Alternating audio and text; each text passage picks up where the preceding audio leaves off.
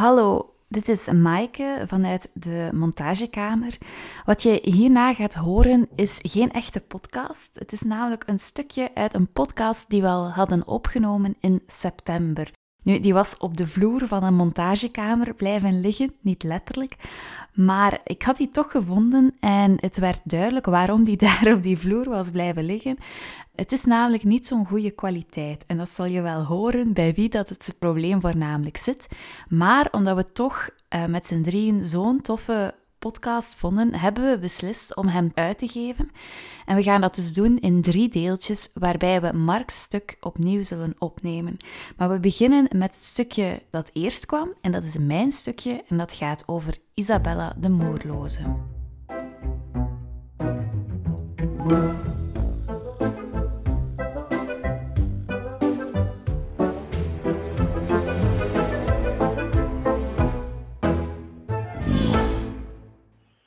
Hallo en welkom bij Het is wat het was, een podcast die draait rond cultuurhistorische verhalen, anekdotes en feitjes die proberen verklaren waarom dingen vandaag zo zijn en misschien ook wel waren.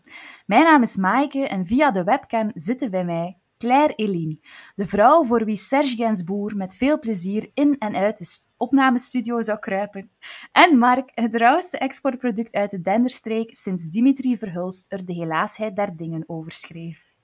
Wow. Oké, die is cool. Die is cool. Yes. I like. Serge Gainsbourg. Mm. Ik kan ermee leven. Mais oui. gaan we het in het Frans doen? Nee, toch? Nee. dat hebben we al eens geprobeerd. Doen we niet nog een keer. Dat was een one-time thing. ah ja, yes. We hebben dat al gedaan. um, uh, ik heb het gevoel dat mijn stem uh, door de mondmaskers echt al heel rauw begint te klinken.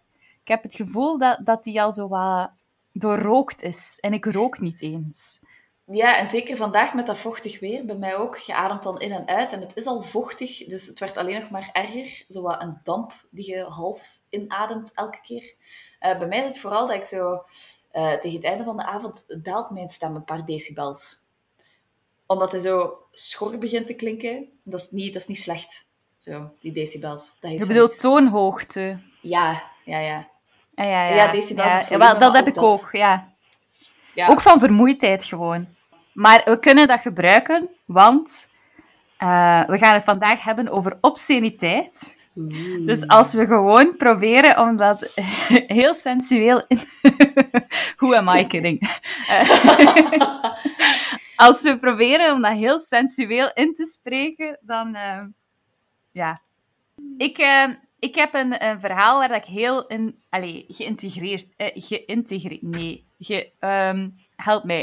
Geïnteresseerd. Geïntrigeerd. Geïntrigeerd door ben. Voilà, dat is het. Ik, uh, ik heb het verhaal mee van Isabella de Moerloze, dus de, de biografie. Ik babbel eigenlijk heel graag over personen in die podcast hier. Dus, uh, ik heb dat ook al gemerkt. Uh, maar dat is oké.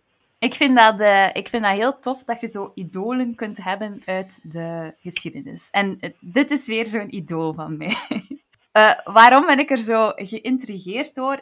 Eén, de podcast is obsceniteit. Ik vind dat heel tof, obscene feitjes en vrouwen voornamelijk. Maar ze is ook afkomstig uit Gent, de stad oh. waar wij alle drie wonen.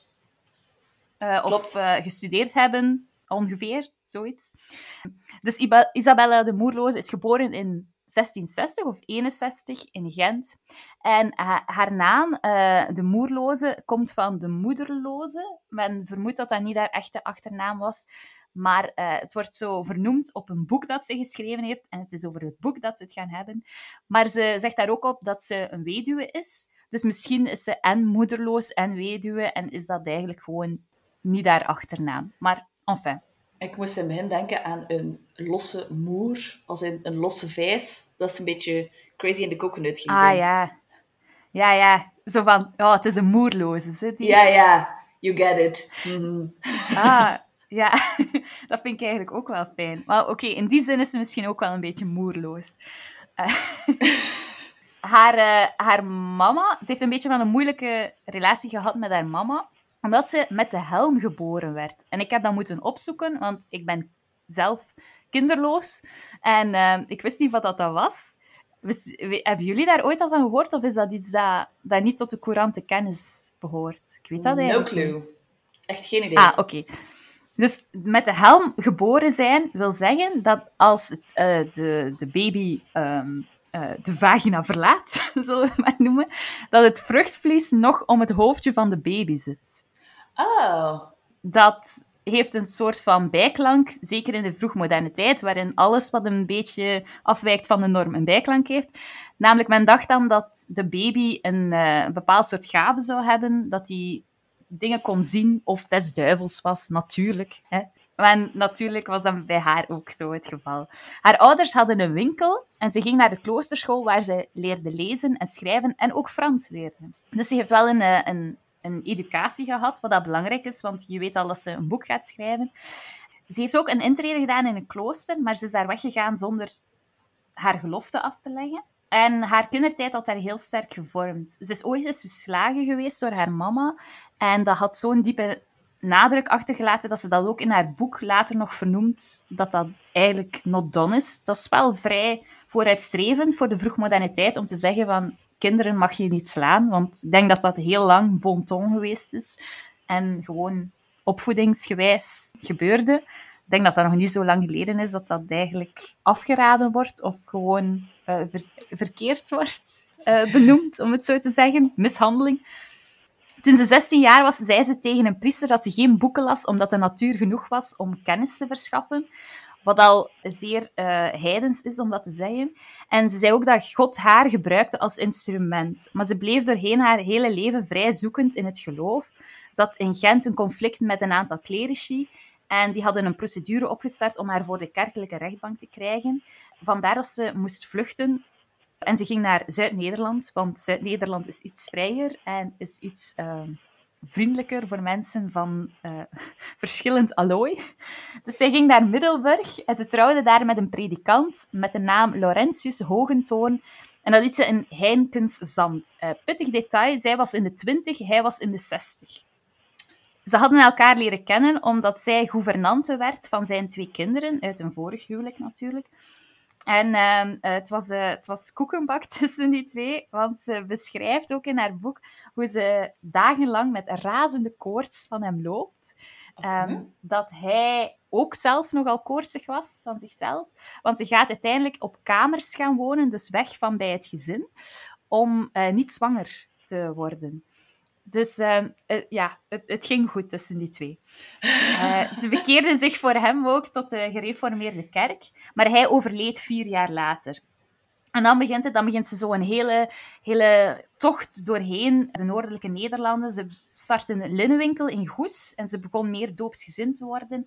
Uh, ze had contact met een, en ik denk dat ik dat goed uitspreek, een labadistenkolonie in Wiebert. Ik heb dat moeten opzoeken, want ik had daar nog nooit van gehoord. Maar er zijn wel heel wat soorten sectes, zo gereformeerde sectes in die tijd. Wordt aangeduid als een secte en ze zijn vrij liberaal, zoals ik het kan zien. Ze zijn uh, ervan overtuigd dat je vrij van zonde wordt herboren en zo. En ja, vrij, liberaal. Ze ging die, die kolonie ging ze zelfs gaan zoeken in Friesland, maar toen ze toekwam in Friesland, wat waarschijnlijk in die tijd toch wel al een tochtje was, was die uh, kolonie was die al opgegeven. Dus uh, die kwam daartoe om het geluk te zoeken en die, ja, het geluk was er al niet meer. Maar dan, 1692 schreef, uh, schreef ze het Vredetraktaat. Dat boek begint ze in Goes te schrijven. En het is een soort van autobiografie om vrouwen op te leiden over het geloofsleven en relaties.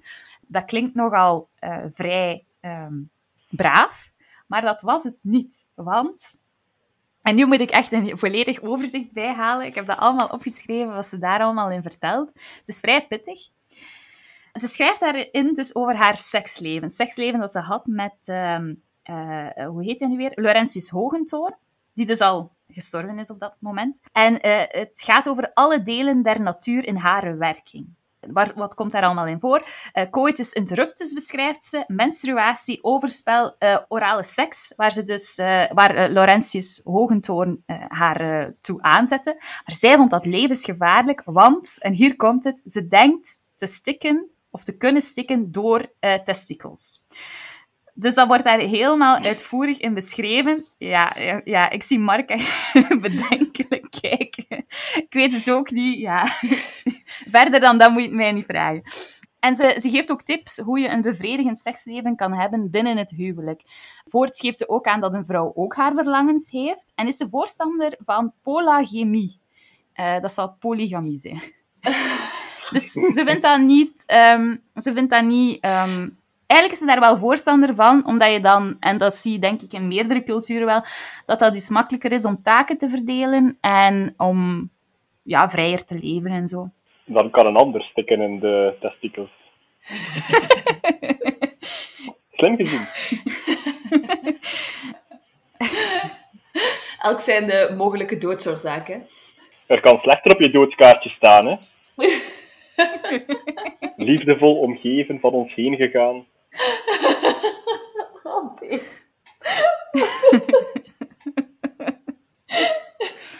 Ze geeft ook aan dat haar libido hoger is dan dat van de dominee. En die man... uh, die man zegt daarover... Dat zijn echt quotes. Ongelooflijk. Die man zegt, zij is zo hitsig dat ze mij zou opeten of inzwelgen. um, vrij... Dus dat ik eigenlijk gewoon verslikken. En, en, en dan tikken. Ah. Dat bedoelt hij. Bestond het Heimlich-manoeuvre al? Misschien had dat een oplossing kunnen zijn voor al haar bezonjes. Hij zegt verder: Het is jammer dat ze geen jonge hengst heeft, ze zou hem wel voorzien. Ze geeft verder aan andere vrouwen ook tips om goede zattigheid bij de man in bed teweeg te brengen. Uh, zo, zo, gaat ze in op hoe je best een man zo, zo sterk kan overtuigen van je liefdespel, dat hij daarna gewoon direct gaat slapen, zonder nog dingen van jou te vragen. Ze geeft ook haar ideeën over menstruatie weer. Uh, zo zegt ze dat seks verkeerd is als de maan achter de kerken is, en kinderen die daaruit geboren zouden worden, die worden melaats. Oh, oh oké. Okay. Wauw. Zij geeft ook weer dat ze graag zou alleen slapen door de stank van menstruatie. Ik vermoed dat dat te maken heeft met de manier waarop toen ter tijd maandverband niet zo hetzelfde is als wat maandverband vandaag de dag is. Mm. Um, maar uh, Hogentoren die wil daar niet van weten, want men zou kunnen denken dat als ze apart slapen terwijl zij haar menstruatie heeft, dat ze zouden joods kunnen zijn. En dat is wel een schande. Ah, oké. Ik heb daar nog een, een quote van, die zij tegen hem zegt. Uh, in het middel, uh, middel-Nederlands, of toch een beetje opgekuist middel-Nederlands. Uh, liefje of hertje, die stank zou maken dat jij een tegenheid in mij krijgen zoudt en dat jij daar wat van zoudt krijgen. Daarom bidde ik u edele dat gij mij die tijd laat alleen slapen en dan als een nieuwe bruid of vers geroos bij u komen met schoon goedje aan en wel gereinigd. Nou, nou. Ja, dus dat is, dat is, dat is een uh, probleem. Nu, die vrouw schrijft daarover en dat trekt de aandacht van menig ander man nadat Laurentius Hogentoorn uh, overleden is. Want blijkbaar staan ze aan te schuiven aan haar deur om een one-night stand van haar te vragen. Dus blijkbaar trekt dat niet alleen uh, vrouwen aan die wat informatie willen, maar ook meerdere mannen. zij begint dat boek dus in goes te schrijven, maar ze wordt aangegeven bij het gerecht hoe zou het ook anders in die tijd? Eh, ze wordt verbannen uit Holland, Zeeland en West-Friesland, dus ze mag daar niet meer komen. Maar in Amsterdam vindt ze toch een drukker. Amsterdam natuurlijk, de, de city of, uh, of sins. Mhm. Eh, ze vindt daar toch een drukker om het uit te geven, maar die weigert zijn naam op de kaft te plaatsen. Maar ik heb hem wel, en dus bij deze gaan we hem vernoemen, Laurens Gunter is dat.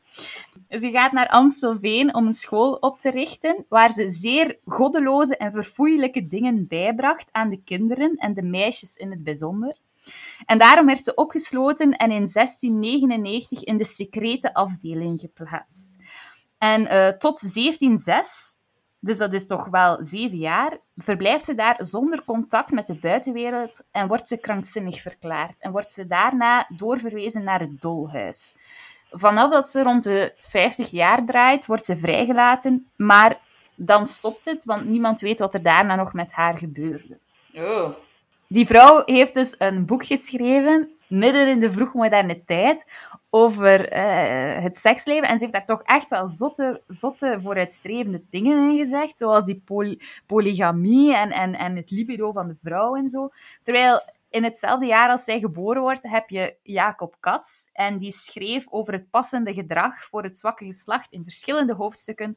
Zijn de maagd, vrijster, bruid, vrouwen, moeder en weduwe. Dat is dus de naam van zijn boek.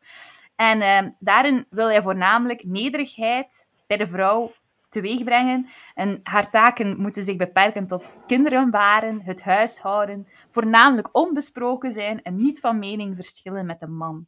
Dus je, kan dan wel zeggen dat dat eigenlijk een super vooruitstrevende ja, uitgave is van die vrouw. En dat hij daar toch wel, zeker omdat het niet uh, in die tijd wordt de laatste vrouw verbrand, op de brandstapel gezet, om een, omdat ze een heks zou zijn.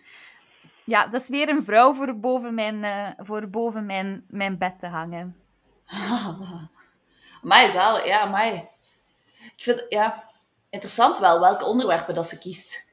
En dat ze dan toch op een bepaalde manier vrij conservatief, allez, conservatief ja, is over als het gaat over maandstonden en zo. Dat ze zich dan wel op een bepaalde manier wil afzonderen. Maar ja, interessant. Interessant. Daar tijd vooruit.